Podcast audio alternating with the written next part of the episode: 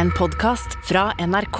De nyeste episodene hører du først i appen NRK Radio.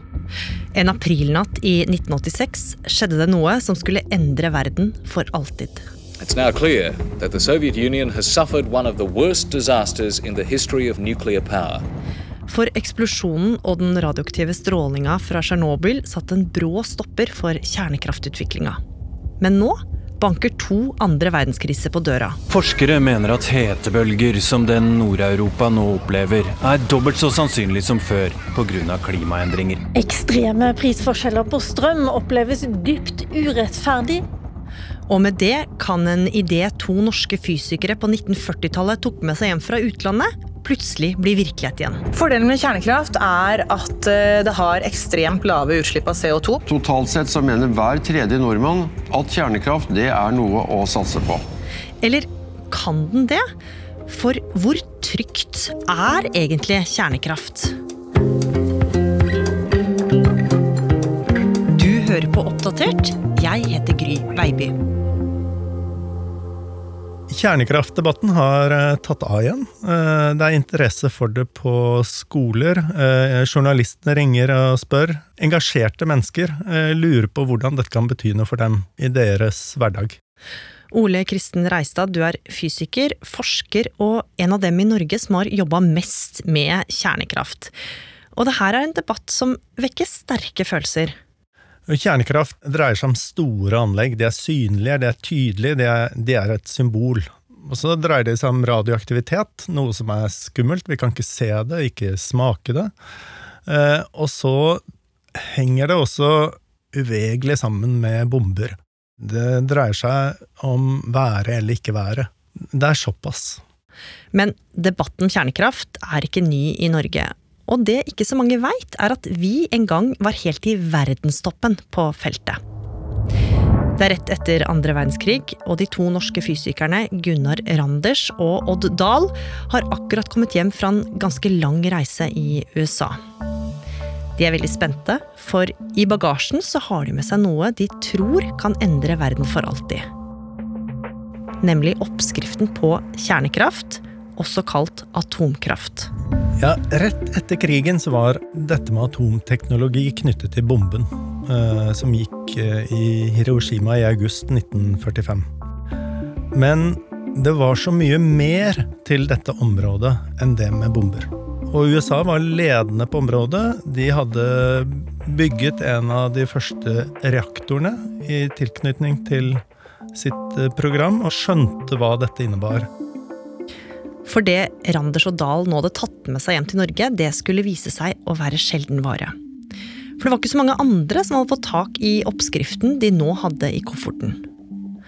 For når et atom deles, så oppstår det energi, og det de nå hadde lært, var at denne energien ikke bare kunne brukes til å lage atombomber, men den kunne også gjøres om til kraft. Og det som var så spesielt med dette, var at Krafta den kunne brukes til mye forskjellig, bl.a. til å lage medisiner, men også til varme. Og etter at de to tok med seg oppskriften hjem, så tok det ikke lang tid før de hadde overbevist andre i fysikerfeltet om hvilken skjult skatt kjernekraft egentlig var. Og nå begynte ballen å rulle. Randers og Dahl fikk etter hvert starta et eget institutt for atomenergi i Norge, som begynte å jobbe spesifikt med kjernekraft.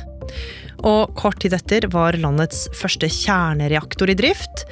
Et stort steg mot å få et helt kjernekraftverk på plass. Og denne satsinga, Ole, den ga resultater. Det gjorde den. Eh, for eh, Norge var blant de aller fremste og beste i verdenstoppen på dette tidspunktet. Vi var det sjette landet på kloden til å bygge en slik reaktor. Bare land som eh, USA, Sovjet, eh, Canada, Frankrike, England var før oss. Og i løpet av de neste åra så ble det bygd fire reaktorer. De mest kjente var i Halden og på Kjeller utafor Oslo. Men det stoppa ikke med det. For Norge kunne nå se hvordan andre land begynte å eksperimentere med hvordan reaktorene kunne bli bygd om til fullstendige kjernekraftverk, som kunne lage enda større mengder energi, men også strøm. Ja, og det ble et veldig viktig tema også i Norge. Stortinget var eh, engasjert og sa i prinsippet eh, så kan vi også ha kjernekraftverk i Norge. Det ble kartlagt hvor disse kunne ligge. Det skulle ligge i hvert fall et ved Moss, et ved Tønsberg og et stort et i Kristiansand. Og det ble startet opp selskaper både innen kjernekraft og innen det å drive skip med det samme i Norge, så dette var en produktiv tid. Ja, og nå lå jo alt til rette for at Norge kunne få en helt ny og innbringende industri. Men til tross for at mange var bitt av basillen, så var det andre energioppdagelser som skulle sette kjernekraftiveren i skyggen. Norge er i ferd med å bli en oljestat. Under denne bøyen midt i Nordsjøen har man gjort det mest lovende funnet til nå. Slik ser råoljen ut når den kommer fra sitt leie i jorda. Utseendet og kvaliteten kan være forskjellig. Ja, mens andre land, sånn som Sverige, faktisk bygget kjernekraftverkene på 70-tallet, så hadde vi jo i Norge hadde vi jo i og for seg en storstilt utbygging av vannkraft, og vi hadde gjort det første oljefunnet på slutten av 60-tallet. Så mye av tidlig 70-tall i Norge gikk med til å forstå hva, hvordan skulle vi bygge ut eh, olje- og gassindustrien i Norge.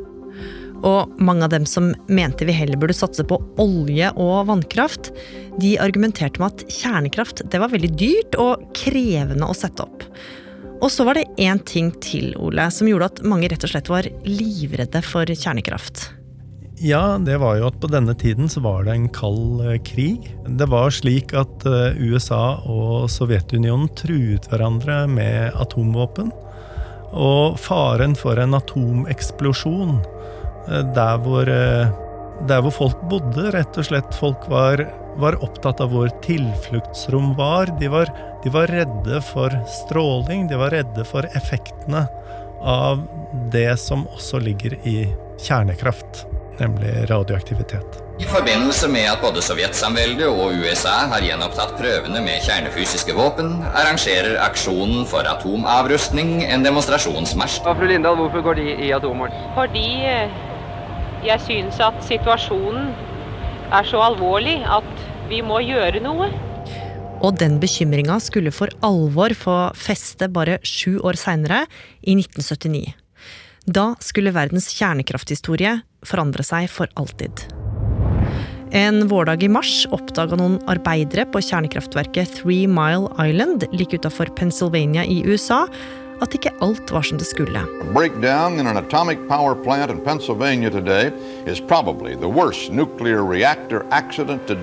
En av reaktorene hadde begynt å bli varm, og tekniske feil gjorde at mannskapet ikke klarte å kjøle den ned. Varmen fortsatte å stige, og deler av kjernekraftverket begynte å smelte. Og dermed begynte det å sive ut radioaktive gasser av reaktoren. Officials say some 50 to 60,000 gallons of radioactive water escaped into the reactor building. Steam escaped into the atmosphere, and radiation was detected as far as a mile away. An unexpected release of more radiation today from the Three Mile Island nuclear power plant has led to a series of consequences. I ukevis jobba arbeiderne på spreng for å kjøle ned kraftverket, i frykt for at en enorm eksplosjon var like rundt hjørnet. Etter en måned med hard jobbing så lyktes arbeiderne med å kjøle ned anlegget. Men radioaktive gasser hadde sluppet ut derfra, og tusenvis måtte evakuere, og skoler måtte stenge.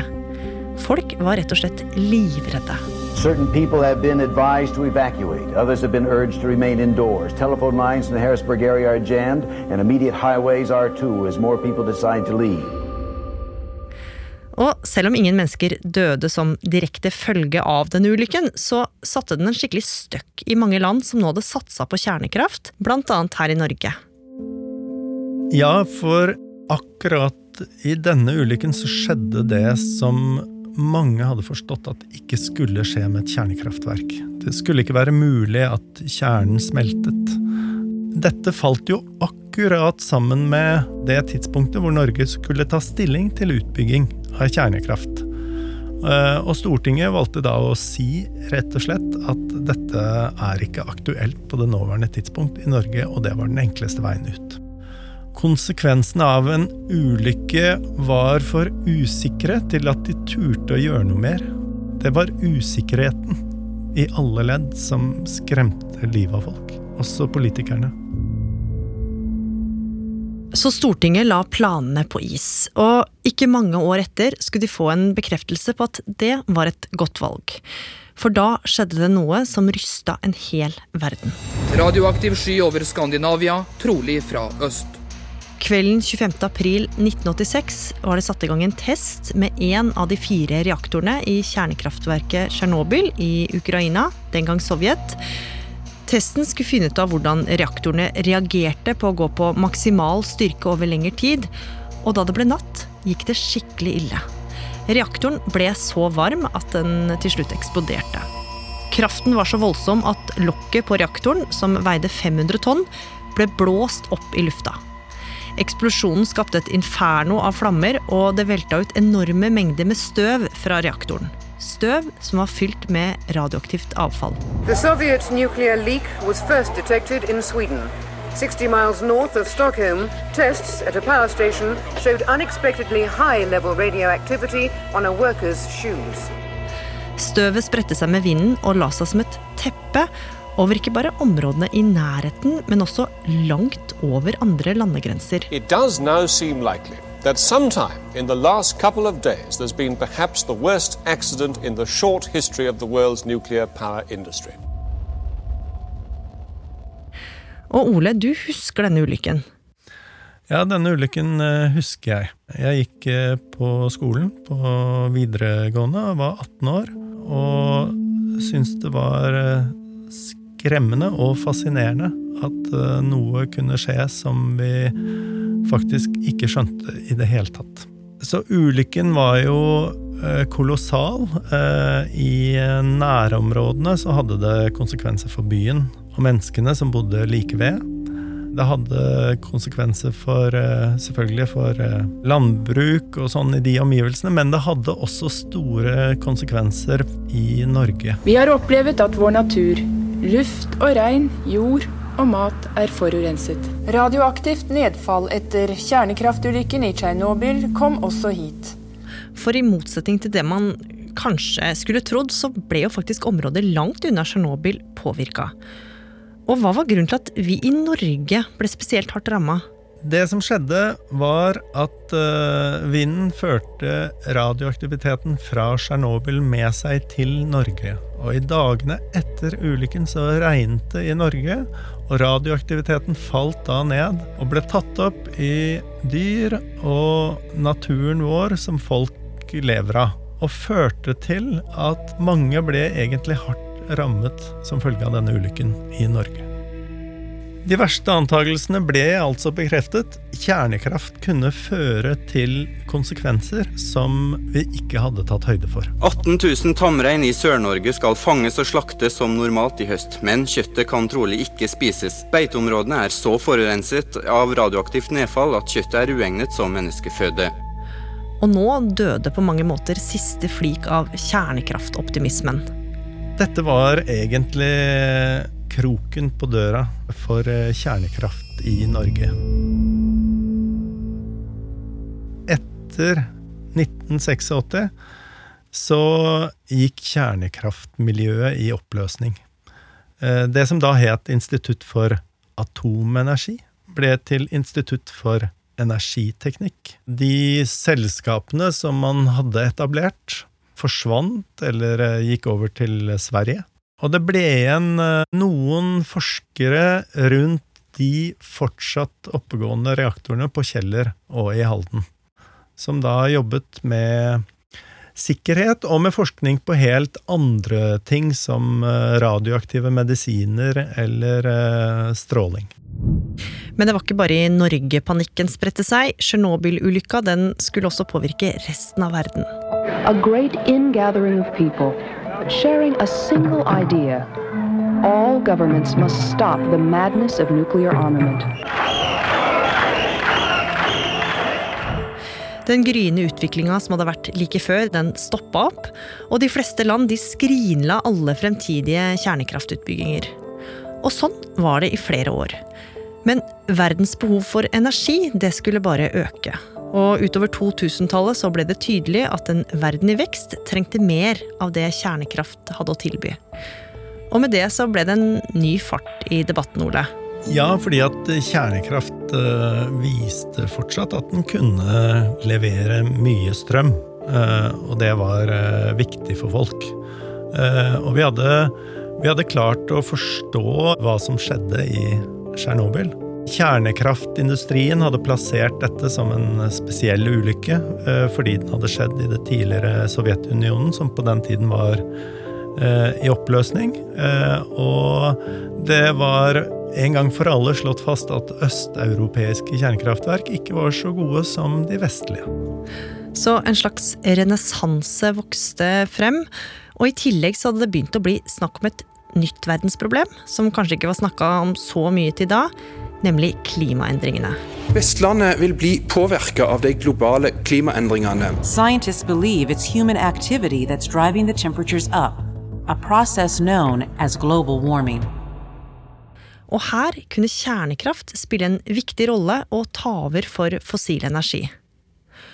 Og mange mente at kjernekraft det kunne være løsninga på klimakrisa. Hvordan da?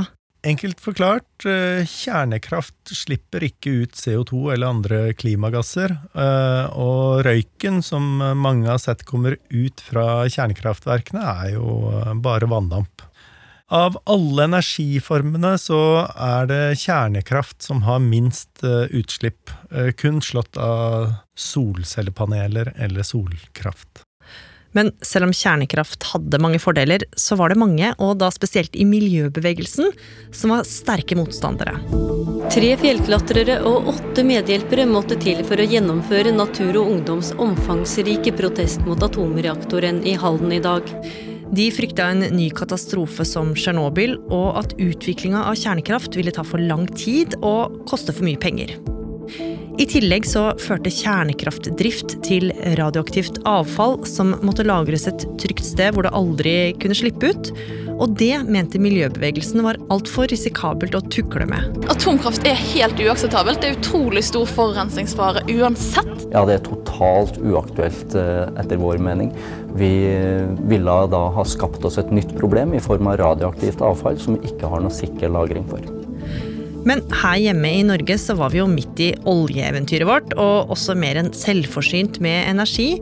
Så kjernekraft for klimaet var ikke så aktuelt som i andre land, selv om Norge holdt på litt med kjernekraftforskning. Men så ble det oppdaga noe som skulle gjøre kjernekraft mer hett også her. Vi innså at vi hadde mye av grunnstoffet thorium, som også kan brukes i kjernekraft. Optimistene snakker om kjernekraft basert på thorium. I dag lanserte selskapet Thor planene for to thoriumkraftverk. Men regjeringen er skeptisk og avventende. Og det ble et stort eh, engasjement for thorium i norsk kjernekraft.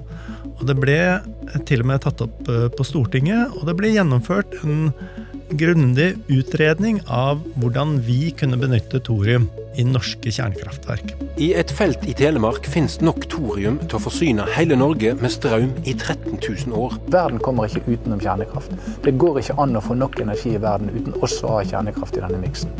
Så thorium var noe Norge kanskje kunne tjene masse penger på, for i utlandet så raste debatten om behovet for kjernekraft for fullt. Men igjen skulle det skje noe som satte bremsen på for kjernekraftutviklinga. Today, Japan woke up to widespread devastation. It is hard to believe it's been just 24 hours since the most massive earthquake in recorded Japanese history. Et jordskjelv like utenfor Japan forårsaka en kraftfull tsunami som rulla inn over byen Fukushima i 2011. Et kjernekraftverk som lå like ved, ble truffet av den digre bølgen. Tsunami har gjort enorme ødeleggelser i Japan etter det kraftigste jordskjelvet noensinne. Frykt for atomlekkasje etter jordskjelvet. 3000 evakuert. Og selv om kjernekraftverket var designa for å tåle jordskjelv, så satte de enorme vannmengdene som oversvømte anlegget, alt ut av spill. Og nok en gang ble verden vitne til en ny eksplosjon, etterfulgt av radioaktive gasser som siva ut av det ødelagte kraftverket. Japanske myndigheter har erklært unntakstilstand ved et atomkraftverk. Frykten var at Japan midt i katastrofen skulle få en atomulykke i tillegg. Eksplosjon i den kriserammede kjernereaktoren. 90 000 evakuert. Økt stråling etter nok en eksplosjon natt til i dag. Denne ulykken viste at uh, en svært alvorlig atomulykke også kunne skje med vestlige kraftverk. Og selv om man var forberedt på at jordskjelv kunne skje, så var man ikke forberedt på at det kunne ha slike konsekvenser for kraftverket og for omgivelsene rundt dette kraftverket. Og dette hadde også konsekvenser for land langt unna Japan, fordi at eh, opinionen nok en gang gikk i møte med atomkraft og sa at dette er ikke akseptabelt. Og et land som Tyskland tok faktisk da, like etter denne ulykken, beslutningen om å legge atomkraften ned innen 2022. German plans to shut all nuclear reactors by 2022 are being seen as a major U-turn by Chancellor Angela Merkel. Men også her hjemme i Norge så fikk jo Fukushima konsekvenser. Ja, det fikk det. Fordi at uh, vi merket jo at uh, det var ikke fullt så mange som var opptatt av kjernekraft. Det var ikke fullt så mange som var opptatt av vår forskning. Det var ikke fullt så mange som var opptatt av å lage nye ting eller nye ideer. Så gradvis ble interessen mindre for å få testet sine ting hos oss. Og etter noen år så ble det da bestemt at uh, reaktoren i Halden skulle legges ned i 2018, og reaktoren på Kjeller i 2019. Og det var den siste anlegget vi hadde her hjemme. Atomreaktoren på Kjeller blir stengt permanent etter mer enn 50 år i drift. Det vedtok styret i Institutt for energiteknikk, IFE, i ettermiddag. Men de ansatte, hva kommer til å skje med dem nå? Vi har ikke helt oversikt over det. Vi jobber med det sammen med de tillitsvalgte og vil i løpet av den neste måneden avklare hva som vil bli konsekvensene. I over ti år lå debatten om kjernekraft ganske stille, før Norge og resten av verden for alvor skulle stå overfor to store problemer. Energy prices have hit record highs in Europe. Many families are struggling to pay their. Studentene er blitt mer bevisst på strømbruken sin, men det hjelper ikke alltid når regninga kommer. Jeg går veldig ofte i de halv, halva priset-kurvene inne i butikken og ser etter mat. De siste månedene har folk vært fortvila over høye strømpriser, som rammer både Norge, men også hele Europa. Samtidig har klimaendringene vist seg med stadig økende kraft. Europe is sweltering under one of its earliest and hottest heat waves on record. Scientists say climate change is driving unseasonably high temperatures. Økosystemer over hele verden endres, også her i Arktis. Breene på Svalbard smelter i et tempo ingen nålevende har sett, og isen ligger kortere. Og med det har det som kanskje kan være en løsning, kommet på dagsorden igjen. Denne uka startet Finland opp sin første atomreaktor på 40 år. Så hva bør Norge gjøre? Den beste klimaforskningen vi har, sier at vi må utvikle mer kjernekraft i verden hvis vi skal løse klimakrisa. Kjernekraft eh, mener jeg absolutt er grønn energi, og det jobber jo også EU for å få dette nå inn i denne, den grønne taksonomien. Eh, Naturvernforbundet er jo krystallklare på at vi ikke bør bygge det. At risikoen knytta til både avfall, uranbryting og, og drift er for stor. Debatten er tilbake for fullt, og EU kaller kjernekraft grønt. Og FNs klimapanel har slått fast at kjernekraft er og blir eh, en del av løsningen for å nå de målene vi har satt oss på klimaområdet. Og vi ser jo her eh, hjemme at eh, de politiske partiene, fra Miljøpartiet De Grønne til Høyre og SV, diskuterer kjernekraft på sine lokale møter og på sine landsmøter. Til og med i Tyskland så må de tenke igjen på om de faktisk skal stenge kraftverkene akkurat nå, i den krisen vi står midt oppi. Europe is bracing for an energy war. Russia is deliberately cutting us off. Some European countries are also restarting coal fired plants and reversing plans to close nuclear reactors. Controversial steps that leaders say are necessary.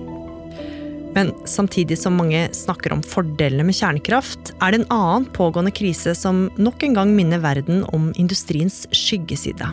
Kraftig fordømmelse av russiske styrkers angrep på atomkraftverk. Norske kommuner har fått beskjed om å sikre jodtabletter til barn og unge. FNs sikkerhetsråd sitter i kveld i et hastemøte for å diskutere situasjonen etter det russiske angrepet på Ukrainas største kjernekraftverk.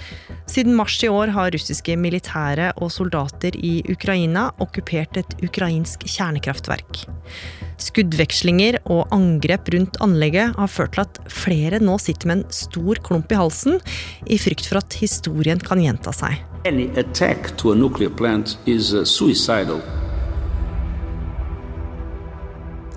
Og Ole, det er jo ikke rart at folk er redde, men samtidig er det heller ikke noen tvil om at verden må tenke nytt og omstille seg i tida som kommer.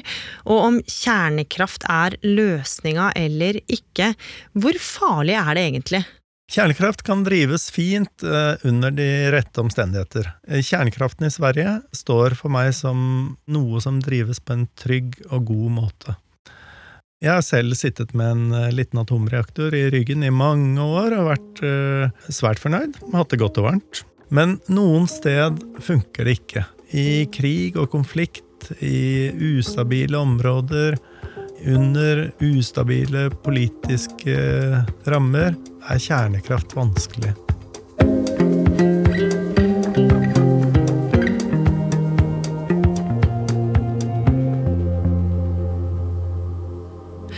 Oppdatert er en podkast fra NRK Nyheter. Og denne episoden er laga av Tiril Mattisdatter Solvang. Espen Bjørlo Mellem. Og meg, Gry Veiby. Programredaktør var Knut Magnus Berge. Klippene du har hørt, er fra TV 2, ABC News, BBC, CBS News, Euronews, Wall Street Journal, Al Jazeera, National Geographic, WNEP, The Conversation, Ultimate Weather, DW News, Holmenkollen Filmteam og NRK. Har du tips eller innspill, så må du gjerne sende oss en e-post på oppdatert krøllalfa nrk.no. Du har hørt en podkast fra NRK. De nyeste episodene hører du først i appen NRK Radio.